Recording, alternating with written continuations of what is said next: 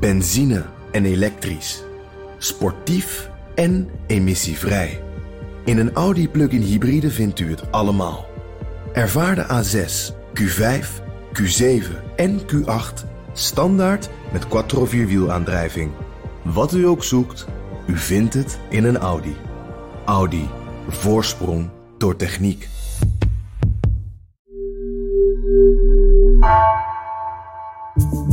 Vanaf de redactie van NRC het verhaal van vandaag. Mijn naam is Gabriella Ader.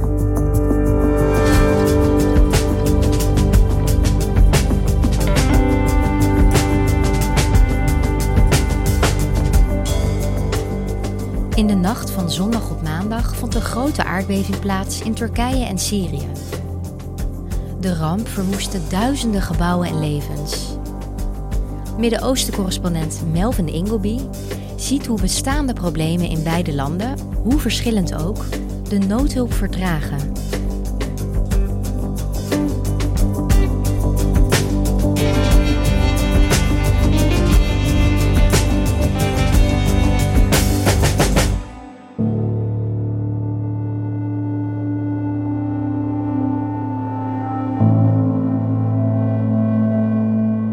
It happened about uh, 4:15. Uh, the situation was disaster. People left their homes with no shoes, no clothes, uh, under the rain.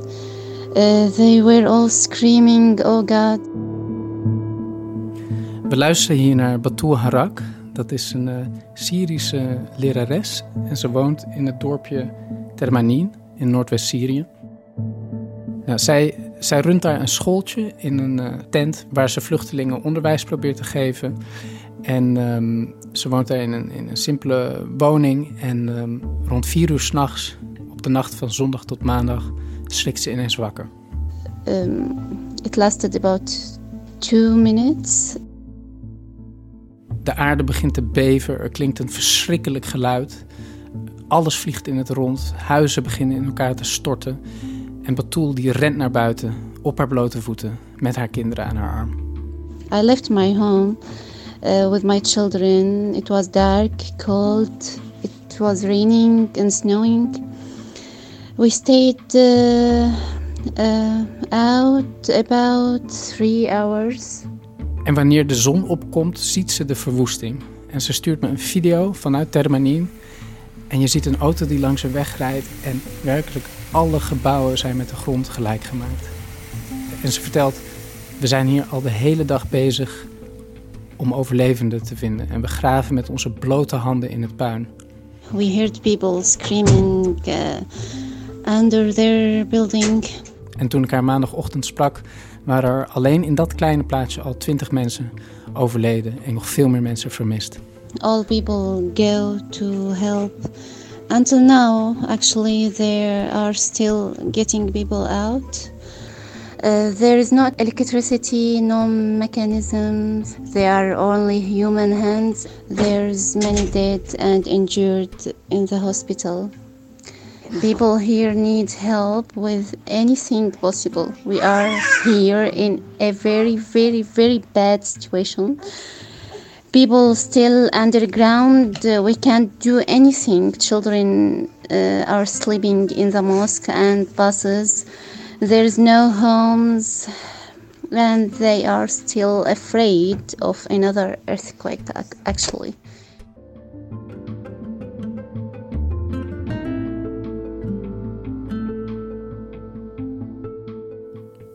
Als ik dit zo hoor, dan ja, dat moet gewoon een nachtmerrie zijn geweest. Kan je mij nog iets meer vertellen over die aardbeving zelf? Wat, wat was dat nou precies? Ja, in de nacht van zondag op maandag werden Turkije en Syrië geraakt door een gigantische aardbeving. Met een kracht van 7,8 op de schaal van Richter. En het epicentrum van die aardbeving dat was in het Turkse plaatsje Pazarcik. Dus dat ligt ten noorden van de stad Gaziantep. En die ligt weer dicht bij de Syrische grens. Dus we hebben het over het zuiden van Turkije en het grensgebied met Syrië. Dus zowel Turkije als Noordwest-Syrië zijn hard geraakt. In Turkije is het dodental, wanneer we dit opnemen op dinsdagmiddag, al opgelopen tot boven de 3400. Er zijn volgens uh, reddingsdiensten bijna 6000 gebouwen ingestort, meer dan 20.000 gewonden. En ik denk dat die cijfers nog heel erg zullen oplopen. En aardbevingen die houden zich natuurlijk niet aan grenzen. Hè. Het hele gebied is geraakt. Maar wat we wel zien is dat uh, de respons en de gevolgen natuurlijk aan uh, de Turkse zijde en de Syrische zijde van de grens um, er anders uitzien.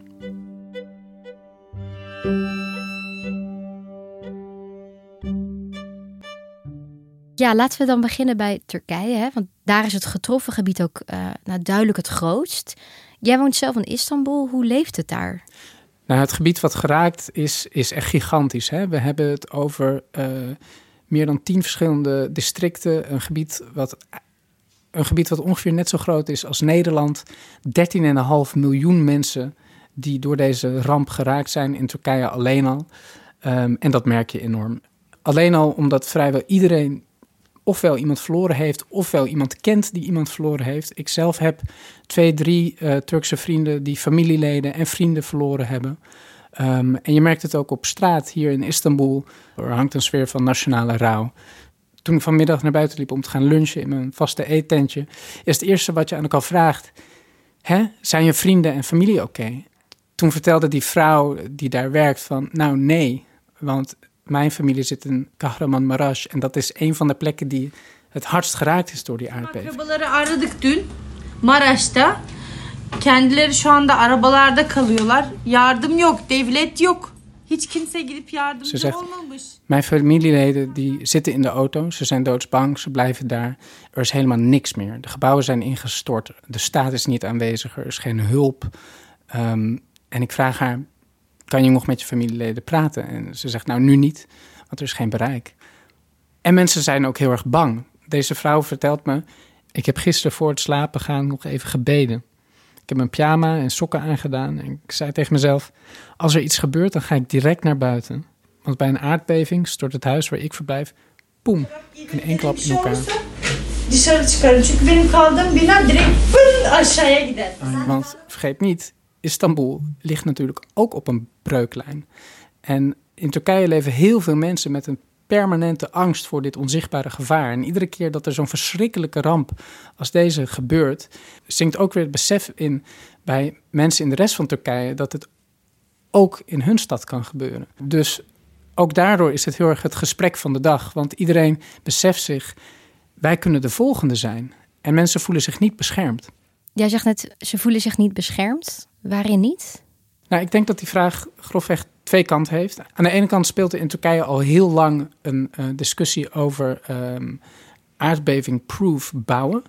Um, die discussie leidde vooral heel erg op na de aardbeving in uh, 1999 in Izmit, waar ook Istanbul heel hard door geraakt uh, werd en waar 20.000 mensen bij om het leven zijn gekomen.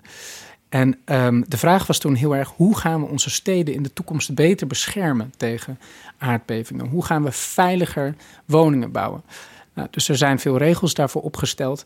Maar de werkelijkheid van de bouwsector in dit land is dat er gewoon als een gek gebouwd wordt en dat er heel veel geld in die sector zit. En dat mensen zich niet altijd aan die regels houden.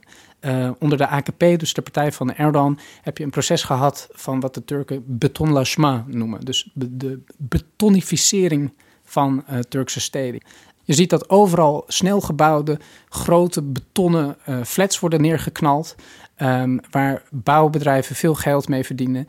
En um, waar mensen dan relatief goedkoop in kunnen wonen. Maar lang niet al die constructies die zijn beschermd tegen dit soort natuurgeweld. En een tweede belangrijke vraag waar mensen nu naar zullen kijken is hoe snel uh, de staat in actie komt om mensen te helpen. Ja, want dat was ook een van mijn vragen. Hoe, hoe gaat dat nu eigenlijk in Turkije? Nou, er zijn natuurlijk gigantische uitdagingen. Uh, alleen al omdat het gebied enorm is. Snelwegen, daar zitten scheuren in vanwege de aardbeving. Um, het weer is heel erg slecht, dus het sneeuwt nu ook overal. Verschillende vliegvelden zijn gesloten, afgezien voor militaire vluchten en hulpvluchten. Dus het is ontzettend moeilijk om de getroffen uh, gebieden uh, te bereiken. Natuurlijk doen de Turkse autoriteiten er alles aan om zo snel mogelijk uh, mensen op te sporen en levens te redden. Maar het is gewoon heel moeilijk om deze gebieden allemaal tegelijkertijd te bereiken. En er klinken ook wel uit bepaalde gebieden wanhopige noodkreten op dat de staat totaal afwezig lijkt. Zo keek ik uh, in in de avond na de ramp uh, naar Turkse televisie en zag daar dit fragment.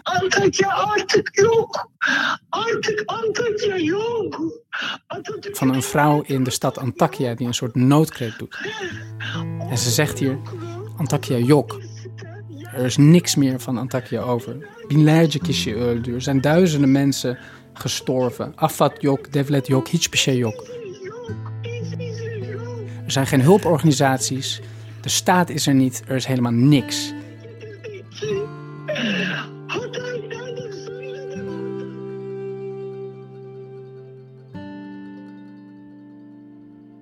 En dit komt bij Turken natuurlijk echt heel hard binnen. Je moet je voorstellen dat een vrouw uit Maastricht op live televisie aan een bekende Nederlandse journalist aan het vertellen is dat er niks meer van Maastricht over is. En dat er duizenden doden zijn en dat de staat nergens te bekennen is. Dat hakt er natuurlijk in. En ik denk dat, hoewel heel veel Turken nu zullen zeggen: laten we niet over politiek praten, dat dit soort momenten uh, onthouden zullen worden en ook politieke gevolgen zullen hebben. De vraag wordt nu echt voor de Turkse regering en voor president Erdogan met verkiezingen die er aankomen: kan hij deze ramp het hoofd bieden?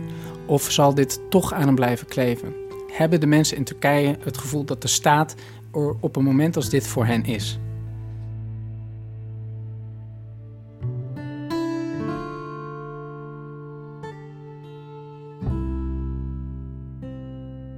In Turkije vinden ze dus dat de hulp te langzaam op gang komt. Hè. Er is veel kritiek op het handelen van de staat, zoals je net zegt. Maar aan de andere kant van die grens, in Syrië, hoe gaat het daar dan? Nou, in Syrië is er überhaupt niks van de staat over. In Aleppo, daar is het regime aan de macht. Maar ja, datzelfde regime heeft Aleppo samen met de Russen kapot gebombardeerd. Dus daar verwacht je niet echt de beste noodhulp van. En verder naar het noordwesten zijn verschillende rebellengroepen aan de macht. En daar is het eveneens chaos. Ik ben twee keer naar het noordwesten van Syrië geweest. En uh, het is echt een, een verschrikking. Het is een van de grootste vergeten humanitaire rampen die zich daar al jaren afspeelt. Je hebt in dat gebied uh, eh, 4 miljoen mensen, waarvan 3 miljoen mensen uh, intern ontheemden. Dus die zijn al gevlucht voor het Assad-regime, die zijn al ontheemd. 1,7 miljoen woont in vluchtelingenkampen. Uh, de armoede is er verschrikkelijk. 90% van de bevolking is afhankelijk van humanitaire hulp. Als je door dat gebied reist, ja, dan zie je overal smerige tentenkampen en in elkaar geïmproviseerde, krakkemikkige huisjes. Mensen op elkaar gestapeld. Er is heel weinig van infrastructuur over. Veel gebouwen zijn al beschadigd door jarenlange bombardementen door de Russen en het Assad-regime. Dus ja, als daar dan een aardbeving toeslaat, dan is dat echt een, een ramp bovenop een al rampzalige status quo. En als ik jou zo hoor, vraag ik me toch af: waar is Assad? Welke rol neemt hij hierin? Nou, Assad is in dat gebied uh, überhaupt niet aan de macht. Um, dus uh, ja, Assad heeft de inwoners van dat gebied vaak als kakkerlakken beschreven die vernietigd moeten worden. Dus ik denk niet dat hij zich heel erg om hen zal uh, bekommeren. Ja, en wie is er dan nu verantwoordelijk om die humanitaire hulp te leveren? Wie doet dat dan? De mensen zelf. Uh, ik heb met uh, drie mensen in dat gebied gesproken. En ze vertellen me eigenlijk allemaal dat ze heel erg op zichzelf zijn aangewezen. Dus ze proberen gewoon hun eigen familieleden onder het puin uit te vissen. En je hebt natuurlijk ook um, organisaties zoals de Witte Helmen. Dat is een Syrische uh, vrijwilligersorganisatie van reddingswerkers. Die eigenlijk al sinds het begin van de oorlog mensen onder het puin trekt. Wanneer uh, het regime en de Russen uh, wijken platgooien. Um, en die zijn nu dus ook massaal uitgetrokken. Alleen dan dit keer om mensen onder het puin te halen na deze aardbeving. En op Twitter deden de Witte Helmen dan ook een dringende oproep voor internationale hulp. Many families now are under the rubble. Our our team's trying to save them, but it's it's it's very difficult task for us. We need help. We need the international community to do something to help us, to support us. Northwest Syria now it's a disaster area. We need help.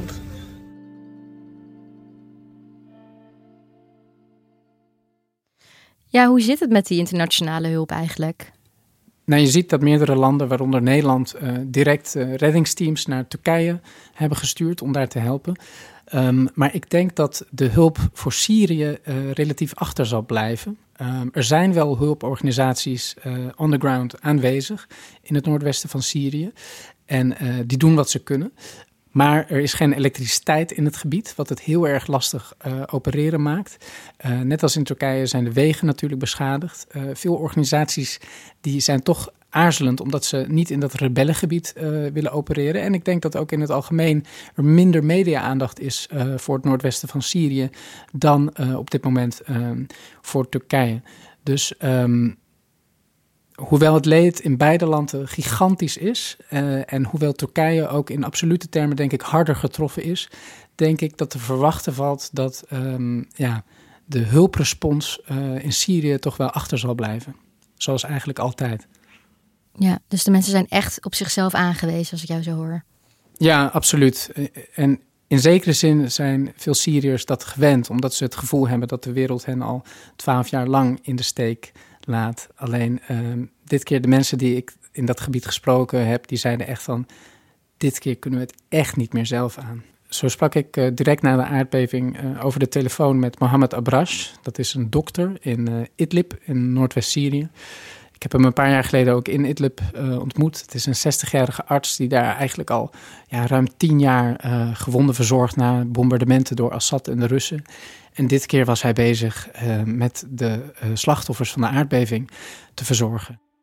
After this earthquake, really the situation is very terrible, and the hospital full of patients, and the dead body is very big number, and we are not receiving any help from the world.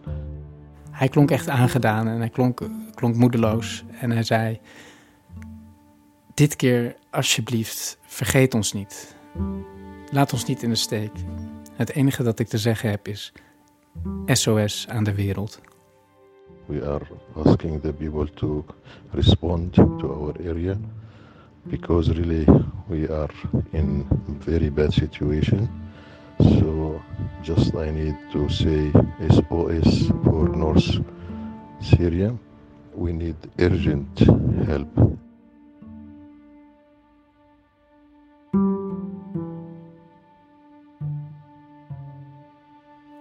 Dankjewel, Melvin. Graag gedaan.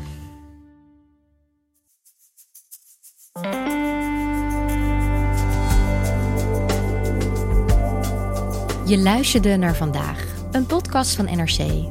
Eén verhaal, elke dag. Deze aflevering werd gemaakt door Nina van Hattem, Iris Verhulsdonk en Jennifer Patterson. Coördinatie door Henk Ruigrok van de Werven. Dit was vandaag, morgen weer.